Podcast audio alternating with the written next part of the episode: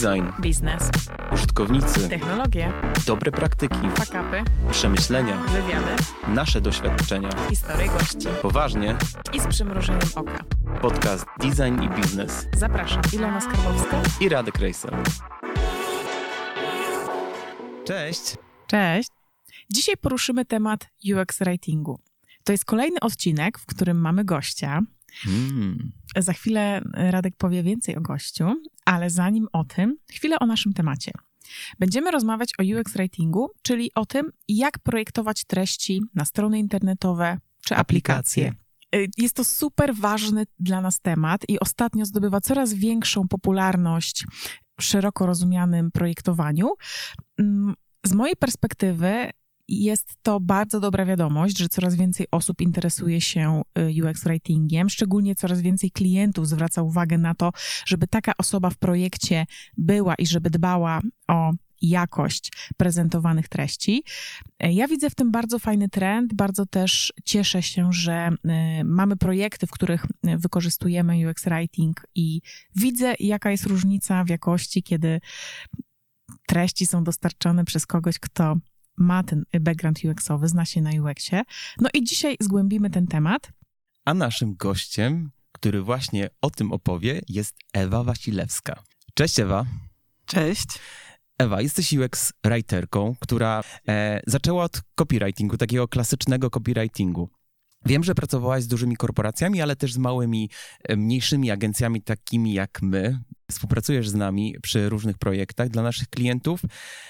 Mogłabyś troszeczkę więcej powiedzieć o sobie, zanim przejdziemy do tematu? Jasne. Mm, Zaczynałam od copywritingu, bo na początku nie wiedziałam do końca, czym chcę się zajmować. Taką osią moich zainteresowań zawsze był język. I chwilę trwało to szukanie mojej drogi. Zaczęłam od pracy w agencji reklamowej. Wcześniej jeszcze mm, miałam różne zajęcia, pracowałam z jakąś gazetą ubezpieczeniową i przy innych projektach związanych z językiem. Natomiast myślę, że ta agencja była takim pierwszym świadomym krokiem w kierunku tego, że ja na pewno chcę pracować z językiem. W agencji e, pracowałam z bardzo różnymi klientami, bo byli to bardzo duzi klienci, tacy jak chociażby Superfarm, Suzuki m, czy Ronson. Były to bardzo różne branże. E, tam też poznałam język przeróżnych formatów, zarówno online'owych, jak i offline'owych. No i to już mnie trochę bardziej sprofilowało. Później mm, zaczęłam pracę w korporacji. I tam zupełnie nieświadomie zaczęła się moja przygoda z UX writingiem. W jakiej korporacji? Możesz to zdradzić? Tak, mogę to zdradzić. Był to Orange Polska e, i High five! Też pracowałem dla Orange. no tak, Orange łączy. E, jak to Telekom. E, I tam nie wiedziałam tak naprawdę, że zajmuję się już UX, UX writingiem, natomiast zajmowałam się tym, bo pracowałam zarówno jako copywriter, jak i UX writer. E, I wtedy kompletnie nie rozumiałam tej Mhm. różnicy. E, Natomiast to był taki początek i to był dobry początek, bo z czasem już coraz bardziej świadomie kierowałam swoje kroki w kierunku UX writingu, wiedząc dokładnie, czym jest copywriting i UX writing. Następnie pracowałam w banku, teraz em, znowu trochę zmieniłam ścieżkę i bardziej pracuję z telekomem kolejnym. No i w międzyczasie współpracowałam z bardzo różnymi firmami i agencjami. Miałam okazję współpracować z, no, z bardzo dużymi, dużymi firmami technologicznymi, takimi jak chociażby Microsoft, ale też ze zdecydowanie mniejszymi graczami. No i myślę, że ten UX writing to jest to, czym chcę się zajmować dalej. Bardzo mnie interesuje ten moment, kiedy uświadomiłaś sobie, że już nie jesteś copywriterką, a zajmujesz się właśnie UX writingiem. Kiedy to było? To był taki moment, w którym nasz zespół e, został podzielony na sekcję UX writingową i copywritingową. E, to oznaczało, że dostawaliśmy zupełnie inne zadania i to już były zadania świadomie kierowane do tej lub do tej osoby, czyli do UX writera lub copywritera. I ja wtedy zrozumiałam, że ja potrzebuję jednak zdecydowanie bardziej tego kierunku UX writingowego. Mm, I tak to się zaczęło na takim świadomym poziomie.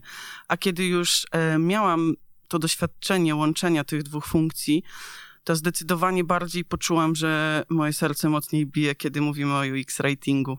No właśnie, UX writing. Myślę, że nie wszyscy jeszcze wiedzą dokładnie, co to tak naprawdę znaczy. Czy mogłabyś w ogóle powiedzieć naszym słuchaczom, czym jest UX writing i czym on się różni właśnie od takiego tradycyjnego copywritingu? Tak, myślę, że właśnie rozumienie tego terminu e, jest jeszcze takie bardzo podstawowe, a często jakby kojarzy się, jest nierozumiany przez um, ludzi. Różnica według mnie jest taka bardzo istotna. Mm, copywriter i UX writer idą w parze i żeby mm, dana strona czy dana komunikacja była efektywna, optymalnie jest, kiedy te siły się połączą. Copywriter ma za zadanie zachęcenie klienta do tego, żeby w ogóle zainteresował się danym produktem czy daną usługą. On ma opisać tą rzeczywistość, która, w zasadzie tą zmianę rzeczywistości, która wydarzy się po tym, kiedy skorzystasz z tego produktu. Natomiast UX Writer jest taką osobą, która trzyma użytkownika za rękę i mówi, nie bój się, ten proces będzie prosty, bo ja cię przez niego przeprowadzę tak, że zrobisz to szybko, bezpiecznie i nie będziesz musiał się zastanawiać. Czyli copywriting to jest opowiadanie historii, natomiast UX Writing to jest zmierzanie do celu. Czyli mm, i to jest takie zmierzanie do celu mm, drogą bardzo prostą, intuicyjną i jak najkrótszą. Okej, okay, ale to jest co? To jest wpisywanie słów w te batoniki? Między innymi tak. Natomiast yy, do stosunkowo niedawna też y, trochę spłaszczałam tę rolę do pisania treści na batony. Natomiast okazuje się, że wszystkie notyfikacje w procesach, czyli wszystkie maile i SMS-y, które dostajemy w danym procesie, e, w który, który rozpoczynamy na stronie czy w aplikacji, m, ale też wszystkie etykiety nad polami formularzy, które uzupełniamy, są istotne. Tak naprawdę każda treść, którą znajdujemy już w procesie sprzedażowym, to jest moja rola. I tak naprawdę jest to bardzo istotne, bo najczęściej to są te momenty, kiedy jako użytkownik ja już decyduję, że coś chcę, ale kiedy coś na tym etapie wzbudzi moją wątpliwość, to ja mogę ten proces przerwać i nigdy więcej do niego nie chcieć wrócić, albo sprawdzić, czy w innym miejscu ten proces też będzie tak trudny. Więc y, dlatego ważne jest, żeby jednak y, dobrze zaopiekować się takim klientem w tym momencie i żeby ta komunikacja była dla niego zachęcająca, prosta i mm, żeby po prostu czuł, że nie musi się bać iść dalej. Powiedz mi jeszcze jedną taką rzecz. Jak to jest? Czy ty, powiedzmy, piszesz sobie teksty, które właśnie mają być umieszczone w interfejsie, przychodzisz do projektanta, a projektant mówi: Nie, ale mi się to nie zmieści, zaprojektowałem interfejs, który po prostu nie pomieści danego tekstu. Czy tak wygląda Twoja współpraca z projektantami, czy może jest ona inna? Jak, jak byś ją opisała? Ta współpraca wygląda różnie. To zależy od projektu i to zależy od projektanta i od tego, na jakich falach nadajemy. Um, oczywiście prościej współpracuje się z kimś, z kim już mamy przetarte te szlaki i wiemy dokładnie, jak pracować. Czasami pracuję tak, że faktycznie ja zaczynam od projektowania treści i później dopiero projektant lub projektantka bierze te treści i mm, osadza w makiecie.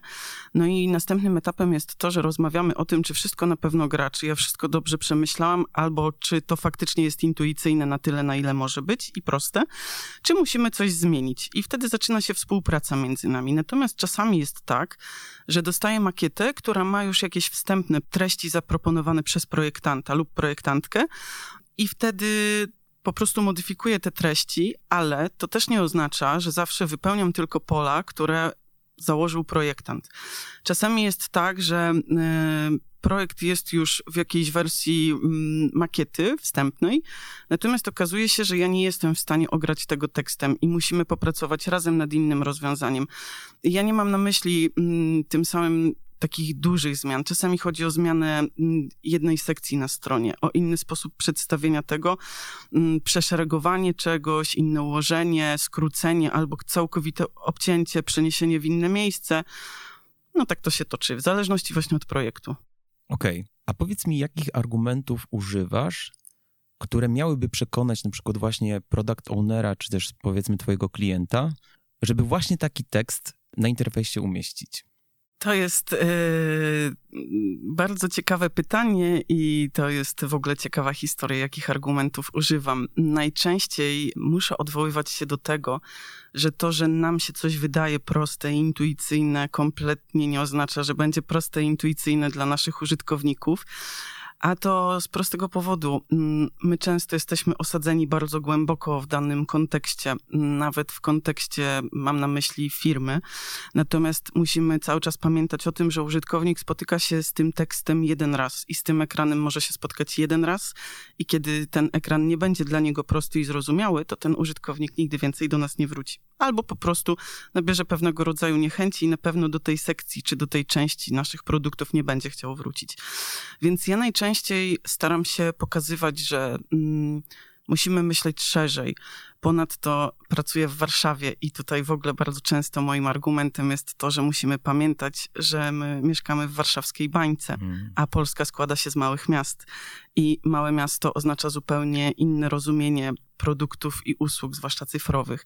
Musimy zdawać sobie sprawę z tego, że nasi klienci bardzo często, zwłaszcza kiedy pracuję z korporacjami, mm, staram się uświadamiać moim współpracownikom, czyli tak jak powiedziałeś, product ownerom chociażby, że my musimy zaadresować potrzeby bardzo szerokiej grupy docelowej, a nie tylko to, co wydaje nam się mm, dla nas personalnie czymś ważnym. Więc y, najczęściej odwołuję się do tego. Ja bardzo często też sugeruję badania, czyli takie mówienie sprawdzam, bo z mojej perspektywy mówienie sprawdzam jest najważniejszą czynnością związaną z moim zawodem, bo mimo, że mam doświadczenie i to już wcale nie małe i bardzo różnorodne, to nadal myślę sobie o tym, że jednak nasi użytkownicy to jest ciągle jakaś duża grupa zmiennych ludzi, zmiennych charakterów, osobowości, doświadczeń i tak dalej. I ta grupa może odbierać to inaczej. I być może jakimś bardzo prostym ruchem możemy zmienić bardzo dużo na plus i bardzo małym ruchem możemy zmienić bardzo dużo na minus, ale na tym polega ten zawód, że ciągle zmieniamy coś, udoskonalamy i cały czas mówimy sprawdzam. I to sprawdzam jest dla mnie najważniejsze i mm, staram się zawsze przekonywać e, innych, że warto jest sprawdzać, bo to, że działamy według naszej najlepszej wiedzy i doświadczenia, nadal nic nie znaczy wobec tego, że to użytkownik musi się czuć z tym dobrze i bezpiecznie. Powiedziałaś, że tym argumentem jest to, że coś zostało przetestowane, tak? Między innymi tak. A powiedz mi, czy z pozycji projektanta my bardzo często używamy badań jeszcze przed tym, zanim zaczniemy projektować, czyli walidujemy jakieś nasze hipotezy i dopiero to jest e, projektowane, a potem jeszcze testujemy to.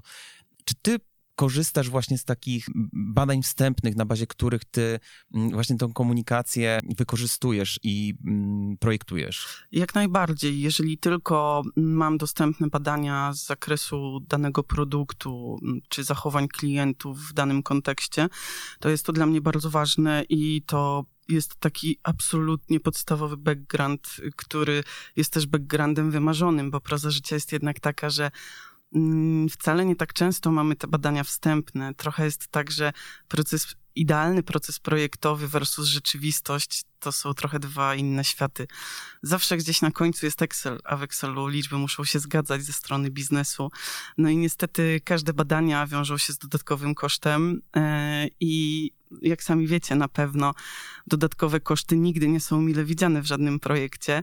Natomiast cieszę się, że nie można powiedzieć, że mm, badania są zawsze pomijane, czy że są najczęściej pomijane, bo uogólnienia tutaj absolutnie nie mają racji bytu, bo to każdorazowo zależy od firmy i zależy też od produktu i od projektu, mm, jakie jest podejście. Powiedziałaś o Excelu. Często się spotykamy z tym sformułowaniem, że w Excelu musi się wszystko zgadzać. Niemniej jednak też musi się zgadzać doświadczenie użytkowników. Więc teraz chciałabym Cię zapytać, jak bada się UX Writing? Jak bada się teksty? Jak sprawdzić, czy tekst, który zaproponowałaś, to jest faktycznie tekst, który przyniesie wartość w naszym produkcie? Kiedy mówimy o badaniach e, treści w e, danym produkcie czy aplikacji, no to na pewno ważne jest połączenie tekstu z tym, jakie funkcjonalności czy funkcje testujemy, bo nie da się zbadać samego tekstu w oderwaniu od tego, gdzie on występuje. Więc badania wyglądają tak, że przygotowujemy mm, dla użytkowników prototypy, czyli takie makiety, które są już bardzo często klikalne, ale to nie są finalne produkty. To, to jest produkt przed developmentem, bo to jest rodzaj czegoś, co sprawdzamy dopiero i co się tworzy. Mm, I według mnie najlepszą metodą są oczywiście badania z użytkownikami.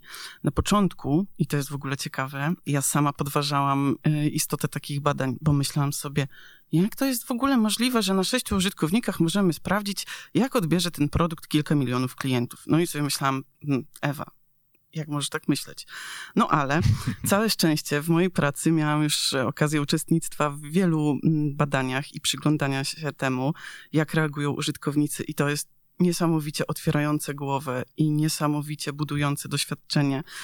Mm, I myślę, że to doświadczenie tak naprawdę mm, jest ważne nie tylko dla UX-writerów, ale też dla biznesu, bo bardzo często w trakcie badań UX-owych e, zapraszamy mm, przedstawicieli biznesu, którzy odpowiadają za daną linię biznesową czy za dany produkt. No i razem przysłuchujemy się tego, jak reagują na to użytkownicy. Użytkownicy do takich badań oczywiście są rekrutowani.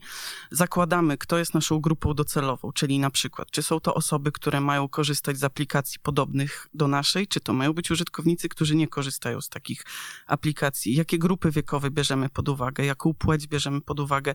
Bardzo często decydujemy się na podział płci 1 do 1, czyli 50 na 50, żeby sprawdzić, czy faktycznie płeć ma znaczenie też w odbiorze mm, i czy, no, czy to jest ważne po prostu w danym projekcie. I kiedy użytkownicy mm, przychodzą na te badania, dostają często jedną lub dwie wersje e, tego, co przygotowaliśmy, bo bardzo często zdarzają się takie momenty w projekcie, które są sporne lub które są szczególnie trudne. Wtedy staramy się przygotować alternatywne wersje. Optymalnie jest przygotowywać chyba dwie wersje, bo wydaje mi się, że jako ludzie działamy tak y, zupełnie naturalne jest to, że im mamy większy wybór, tym trudniej nam wybrać cokolwiek. No i sprawdzamy, jak wygląda ten odbiór użytkowników. Ja kiedy uczestniczę w badaniach, to bardzo zależy mi na tym, żeby być przy każdym wywiadzie, ponieważ przekonałam się, jak daleki jest raport z badań e, UX-owych od tego wrażenia, które, którego możemy doświadczyć, będąc na tych badaniach osobiście. Chodzi o takie mikrointerakcje użytkowników o westchnięcie, o konkretny gest, który wykonali, o tekst, który nie znajdzie się na pewno w raporcie, e, albo o coś, co jest taką reakcją wrażeniową i spontaniczną, a którą bardzo ciężko jest opisać tak, żeby nie widząc tego i nie będąc przy tym, móc później sobie to wyobrazić. To jest po prostu nieopisywalne. I e, takie badania najczęściej przynoszą wnioski, które miejsca z naszych hipotez, z tych założeń, e, że te miejsca są szczególnie trudne lub szczególnie niezrozumiałe, mm, są faktycznie do zmiany i czy któreś z naszych rozwiązań jest ok, czy może jest jeszcze inne rozwiązanie, które nasunęli nam użytkownicy, którzy, których badaliśmy. E, no i na podstawie takich wniosków e, przeprojektowujemy mm, daną makietę, dany projekt i działamy dalej. Innym sposobem sprawdzenia są na pewno testy AB. To jest dobre przy zdecydowanie mniejszych projektach, bo tutaj mm, lepiej jest sprawdzać jakiś jeden element na stronie, powiedzmy, czyli możemy spróbować dodać gdzieś baton i takie kopii lub taki baton i takie kopii, kiedy nie mamy pewności, czy coś na pewno jest um, takie intuicyjne i proste. Ewentualnie możemy sprawdzać właśnie um, różny rozkład elementów, który powoduje, że użytkownik czuje się bardziej bezpiecznie, um, czuje, że wie, co ma zrobić i czuje się przekonany do tego rozwiązania. Mhm. Ja jeszcze mm, myślę sobie, że UX Writing jest też takim świetnym nośnikiem brandu i tego, jak marka się prezentuje. Powiedziałaś, że copywriting opowiada bardziej historię. Natomiast mm, ja bym powiedział, że UX writing i te właśnie mm, komunikacja, która ma wspierać właśnie tą funkcjonalność, też może być tym nośnikiem. I tutaj mam taki przykład y, z naszego mm, portfolia klientów, Jestersena, który miał e, zamiast szukaj, buszuj. I to był taki świetny przykład właśnie jak... Jak charakter, ta, jak charakter marki odzwierciedla się w języku. I mm, tak ja, ja to czuję, że tak naprawdę ten UX writing to jest część na architektury informacji, strony, aplikacji, tak jak sobie wcześniej powiedzieliśmy, i właśnie takie drobne smaczki typu zamiast zwykłego szukaj, które ma każdy e-commerce, napisanie buszuj, który wywodzi się z DNA marki. Czy masz więcej takich przykładów? Mm, nie wiem, czy przykłady tak, e, wiecie, z rękawa wam e, wyciągnę. Natomiast powiedz. Ja tak zgadzam z się. twoich oczu wyczytałam, że chcesz, masz jakiś przykład. E, Zgadzam się z tym, że UX Writing jest takim mm, dodatkowym głosem marki albo bardziej wyróżnikiem marki, bo coraz częściej zaczęto zwracać uwagę na to, że nawet treść, którą widzimy przy loaderze jest ważna. E, Ważny jest komunikat błędu, e, ważny jest ostatnie kopii mm, na ekranie sukcesu. To wszystko powoduje, że dana marka jest jakaś, a dany użytkownik czuje się jakoś i to jest super, że zaczęto zwracać na to uwagę. Mnie to niesamowicie cieszy, bo w ogóle to daje ogromne pole do budowania wizerunku marki i do ocieplania wizerunku marki i mówienia, że ta marka jest jakaś, bo właśnie okazuje się wtedy, że danej firmie nie zależy tylko na tym, żeby tego klienta złowić i już i super, bo Excel się jednak u nas zgodzi i wyniki sprzedażowe są świetne, tylko od początku do końca dbamy o to, żeby ten użytkownik czuł się z nami dobrze. Więc ym, fajnie jest, kiedy czujemy, że dana firma się do nas uśmiecha, że o nas dba, że pamięta o nas na każdym etapie, że właśnie, nie wiem, nawet walidacja pod polem formularza może być napisana po ludzku, nie musi być wcale napisana, nie wiem, w taki bardzo tradycyjny sposób, czyli mm, pole obowiązkowe. Jest jeszcze jeden aspekt, który chciałabym dzisiaj poruszyć. Często słyszę z ust klientów, kiedy proponujemy właśnie architekturę informacji, treści, y, w layoutie są już jakieś wlane propozycje y, tekstów i klienci mówią, nie, mój użytkownik tego w ogóle nie czyta. Nie, oni tego nie będą czytać. Co To nie ma myślisz? znaczenia. To nie ma Tak, znaczenia w ogóle, co będzie napisane. Nie, oni nie czytają. Da, dajcie coś krótkiego. Co ty myślisz? No jest to trudny temat, bo faktycznie, kiedy mamy do czynienia z trudną osobowością po drugiej stronie, to troszkę trzeba się nagimnastykować, żeby przekonać takiego człowieka. Ja staram się w takich przypadkach pokazywać benchmarki i po prostu pokazywać, że mm, jeżeli ileś firm robi w taki sposób, to jest to niemożliwe, że te wszystkie firmy się mylą. Jeżeli może znaczy to, że jest to jakiś nowy trend na rynku i nasi klienci, m, mam na myśli biznes bardziej tutaj, czyli klientów zewnętrznych lub wewnętrznych, m, mogą o tym nie wiedzieć. Bo myślę, że w ogóle w tym zawodzie ważne i w zawodzie projektanta ważne jest to, żeby uświadomić sobie, że my widzimy ten świat inaczej i my inaczej postrzegamy projektowanie i użytkownika, inaczej myślimy o swojej usłudze.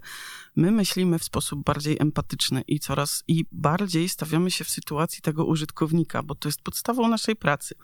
Natomiast musimy pamiętać, że to, że ktoś z biznesu nie ma takiego podejścia, to jest naturalne, bo on po prostu zachowuje mm, się typowo dla tego, czym się zajmuje na co dzień. On jest odpowiedzialny za rozwój produktu, ale to jest też właśnie od tego ma nas, żebyśmy mu pomogli żebyśmy mu otwierali oczy i pokazywali, jak działają też inne rozwiązania.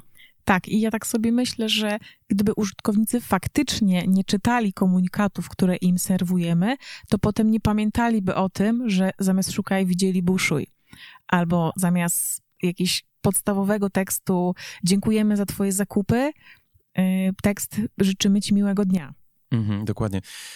Mi teraz przyszło takie skojarzenie, że interfejs nie tylko musi realizować jakieś tam podstawowe funkcje i dostarczać podstawowe, nie wiem, usługi związane właśnie z taką e, z realizacją celu użytkownika, nie tylko musi wyglądać tak atrakcyjnie, ale właśnie musi też do nas mówić. I tutaj to, co mi się kojarzy z tym, to jest taka właśnie ludzka twarz, że interfejs jest trochę jak człowiek, który na przykład nas obsługuje w restauracji. Są takie restauracje, w których właśnie kelnerzy mają, mają jakąś osobowość, uśmiechają się do ciebie, są życzliwi. Mi się wydaje, że to jest też tak z interfejsami. Niektóre są bardziej poważne, niektóre są właśnie bardziej takie na luzie. I też jeszcze co powiedziałaś o tym, jak badasz, y, sprawdzamy te reakcje użytkowników przy badaniach i ważne jest, żeby patrzeć na ich takie y, delikatne y, interakcje, te takie, których nie da się opisać. Mi się wydaje, że właśnie to może przynieść te chwile takiego mini wow, które gdzieś tam oni zapamiętają i poczują się dobrze.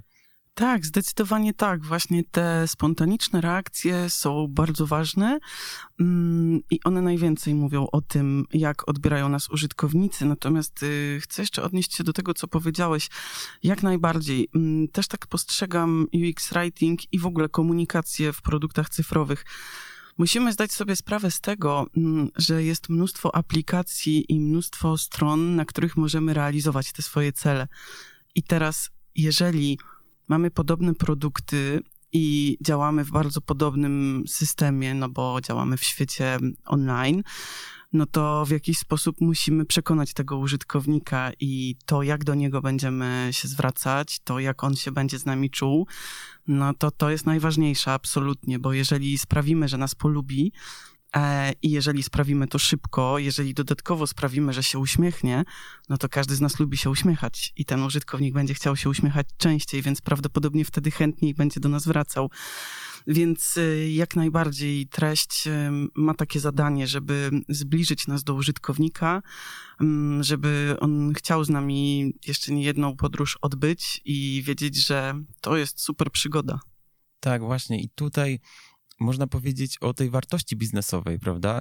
Jaką ten UX Writing może przynieść, no bo właśnie to, że jest dużo produktów bardzo podobnych, które właśnie realizują te cele użytkownika, ale jest coraz więcej rzeczy, które produkt może dostarczyć użytkownikowi, które sprawią, że ten produkt będzie absolutnie wyjątkowy, które sprawią, że właśnie użytkownik pójdzie tu, a nie pójdzie tam.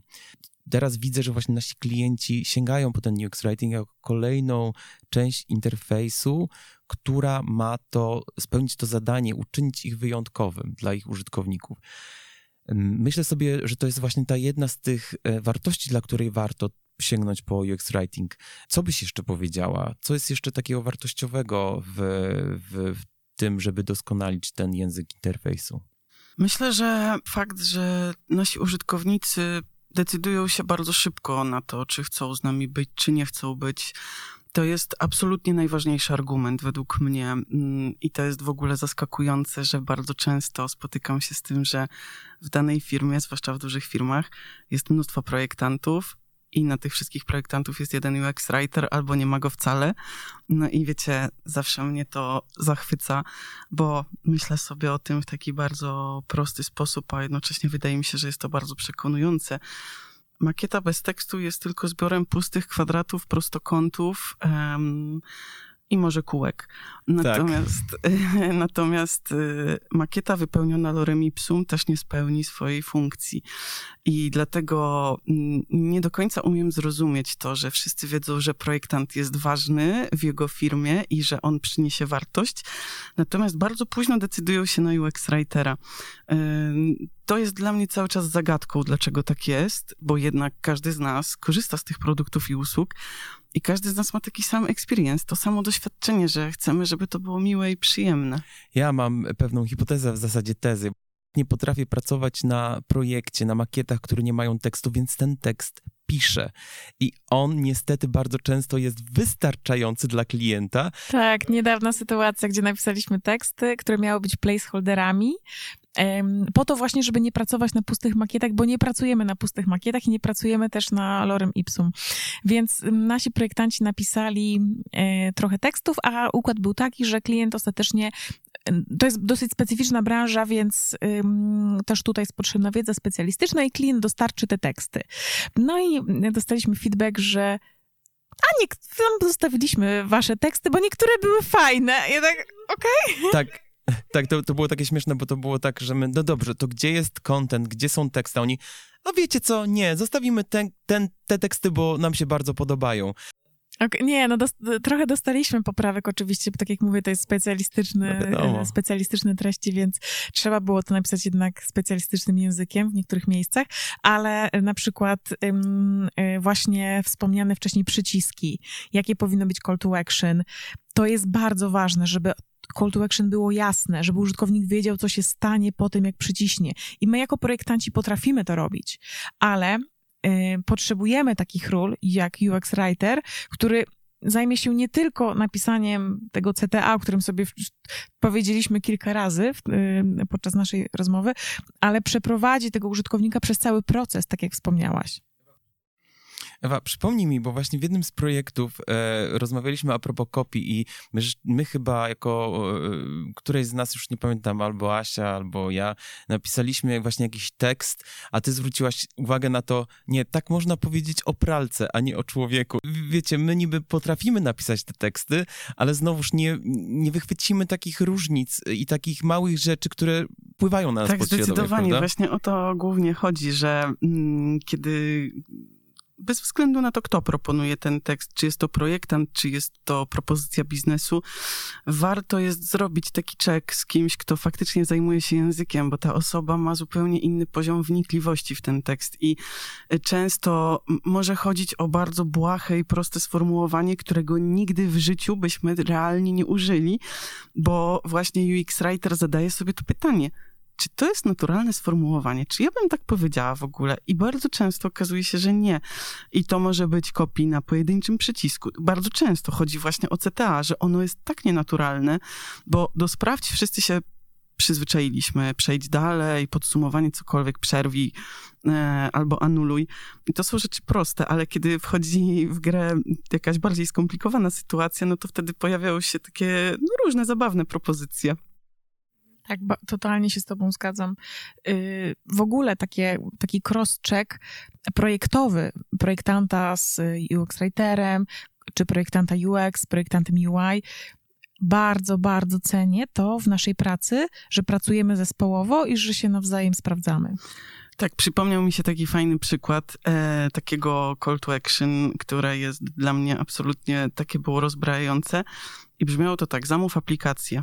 No ja to przeczytałam, myślę sobie, no super, zamówię aplikację, ale gdzie ją zamówię? Mówię tak, wiecie co, zamówić to my możemy pizzę, ale nie aplikację, to jest po prostu tak nienaturalne i zupełnie nie powinniśmy tego używać. No i nam zaproponowałam jakąś alternatywną wersję, ale wiecie, Chodzi o to, że to kopii wisiało na stronie bardzo długo i mnóstwo ludzi to widziało, w tym mnóstwo projektantów. I ja teraz nie mówię, że projektanci nie mają odpowiedniej wiedzy, tylko mówię o tym, że właśnie mm, każda ta funkcja w zespole, czyli projektant skupia się na użyteczności, a właśnie UX Writer skupia się na tym, żeby mm, przeskanować tekst absolutnie w każdym miejscu.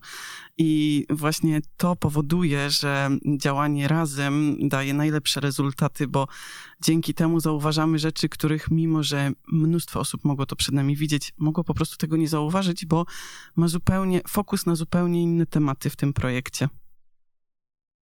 Co jest jeszcze bardzo dla mnie ważne właśnie współpracy z UX Writerem jest to, że my znamy naszą grupę docelową, potrafimy zaprojektować coś, co będzie im służyło, będzie dla nich budowało fajne doświadczenie, ale właśnie w tym wszystkim, co jest super istotne, zawsze przy właśnie budowaniu produktu jest właśnie ta komunikacja i ona właśnie niesie się też właśnie na tych e, elementach interfejsu, i co jest super ważne, to jest to, jak coś powiemy, ma też być dopasowane do tej grupy docelowej. Jedna rzecz, właśnie tak jak sobie powiedzieliśmy o tym buszu i tym już, który tutaj wałkujemy, ale to też jakby podejrzewam, że inaczej mm, będziemy mówić na tym interfejsie do kogoś, kto jest starszy, inaczej do kogo ktoś młodszy, inaczej do kogoś, kto jest, specjalizuje się w jakiejś tam wąskiej dziedzinie, o czym wspomniałaś właśnie przy tym projekcie, e, który teraz realizujemy, mówiliśmy, a inaczej do kogoś, kto jest e, takim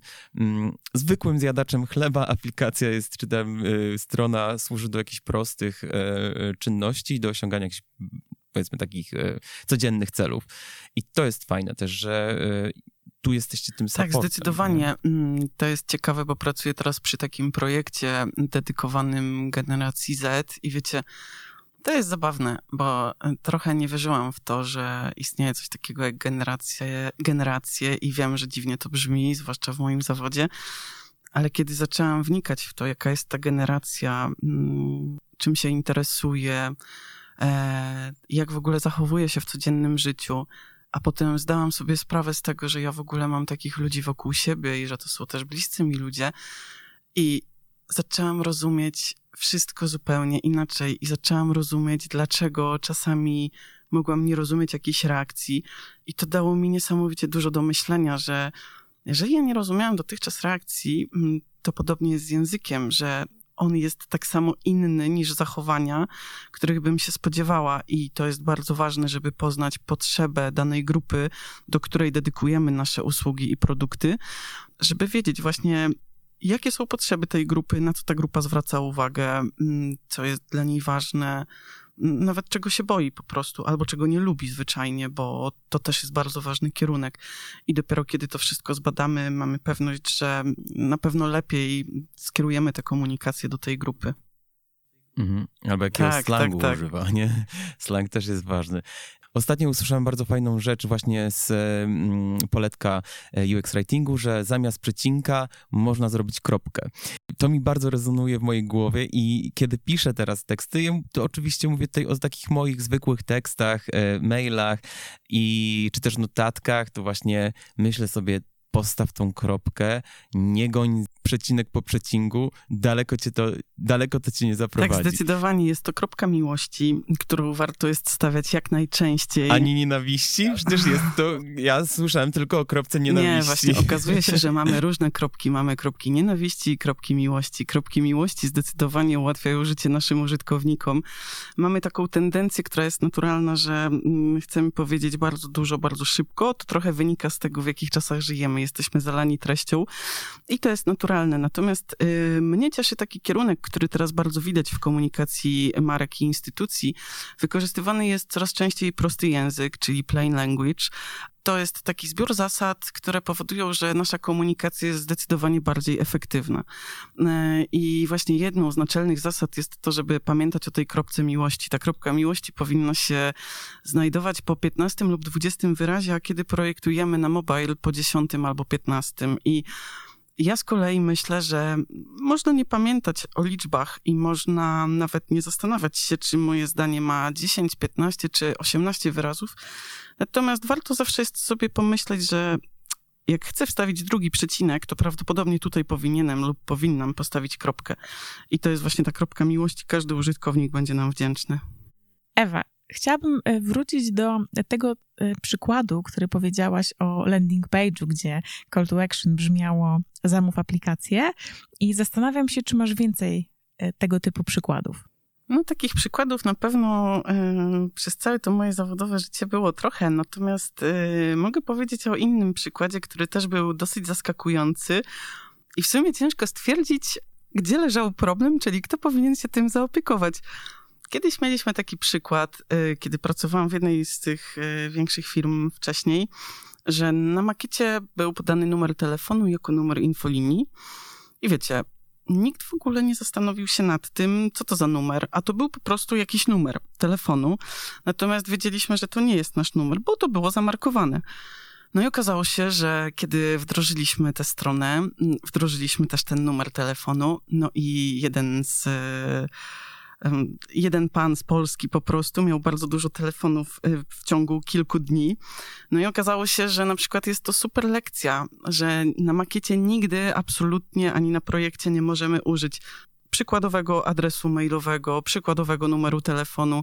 Lepiej jest to mm, zawsze zamarkować w jakikolwiek inny sposób. Można tam wstawić po prostu kilka zer albo x, cokolwiek. No to jest coś, co jest takie najbardziej, najbardziej zapadło mi w pamięć, bo faktycznie było to mm, solidne niedopatrzenie z naszej strony. Okej. Okay. A jakbyś mogła powiedzieć o takim swoim ukochanym, powiedzmy, projekcie, albo właśnie o czymś, czego jesteś naprawdę Mam kilka dumna. takich projektów, natomiast powiem o najświeższym doświadczeniu. E, ostatnio mm miałam prezentację, w której, na której opowiadałam o tym, czym się zajmuję i trochę opowiadałam o prostym języku i dosłownie kilka dni temu mm, jeden z kolegów w biurze podszedł do mnie i powiedział tak, kurde Ewa, wiesz co, ale narobiłaś.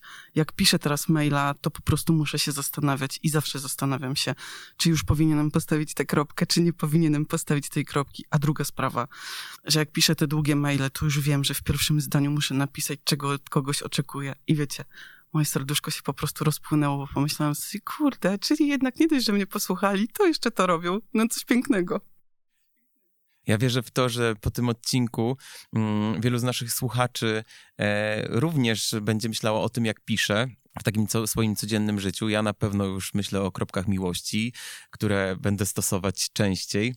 E, myślę, że będziemy już kończyć naszą rozmowę. Bardzo, y, bardzo fajnie było Ciebie gościć i e, bardzo fajnie się z Tobą współpracuję. Mam nadzieję, że wiele projektów przed nami, coraz więcej klientów będzie chciało e, również poszerzać swoje produkty, ulepszać swoje produkty słowem. Bardzo Ci dziękuję, Ewa, za rozmowę. Dzięki. Do usłyszenia. Cześć. Do usłyszenia.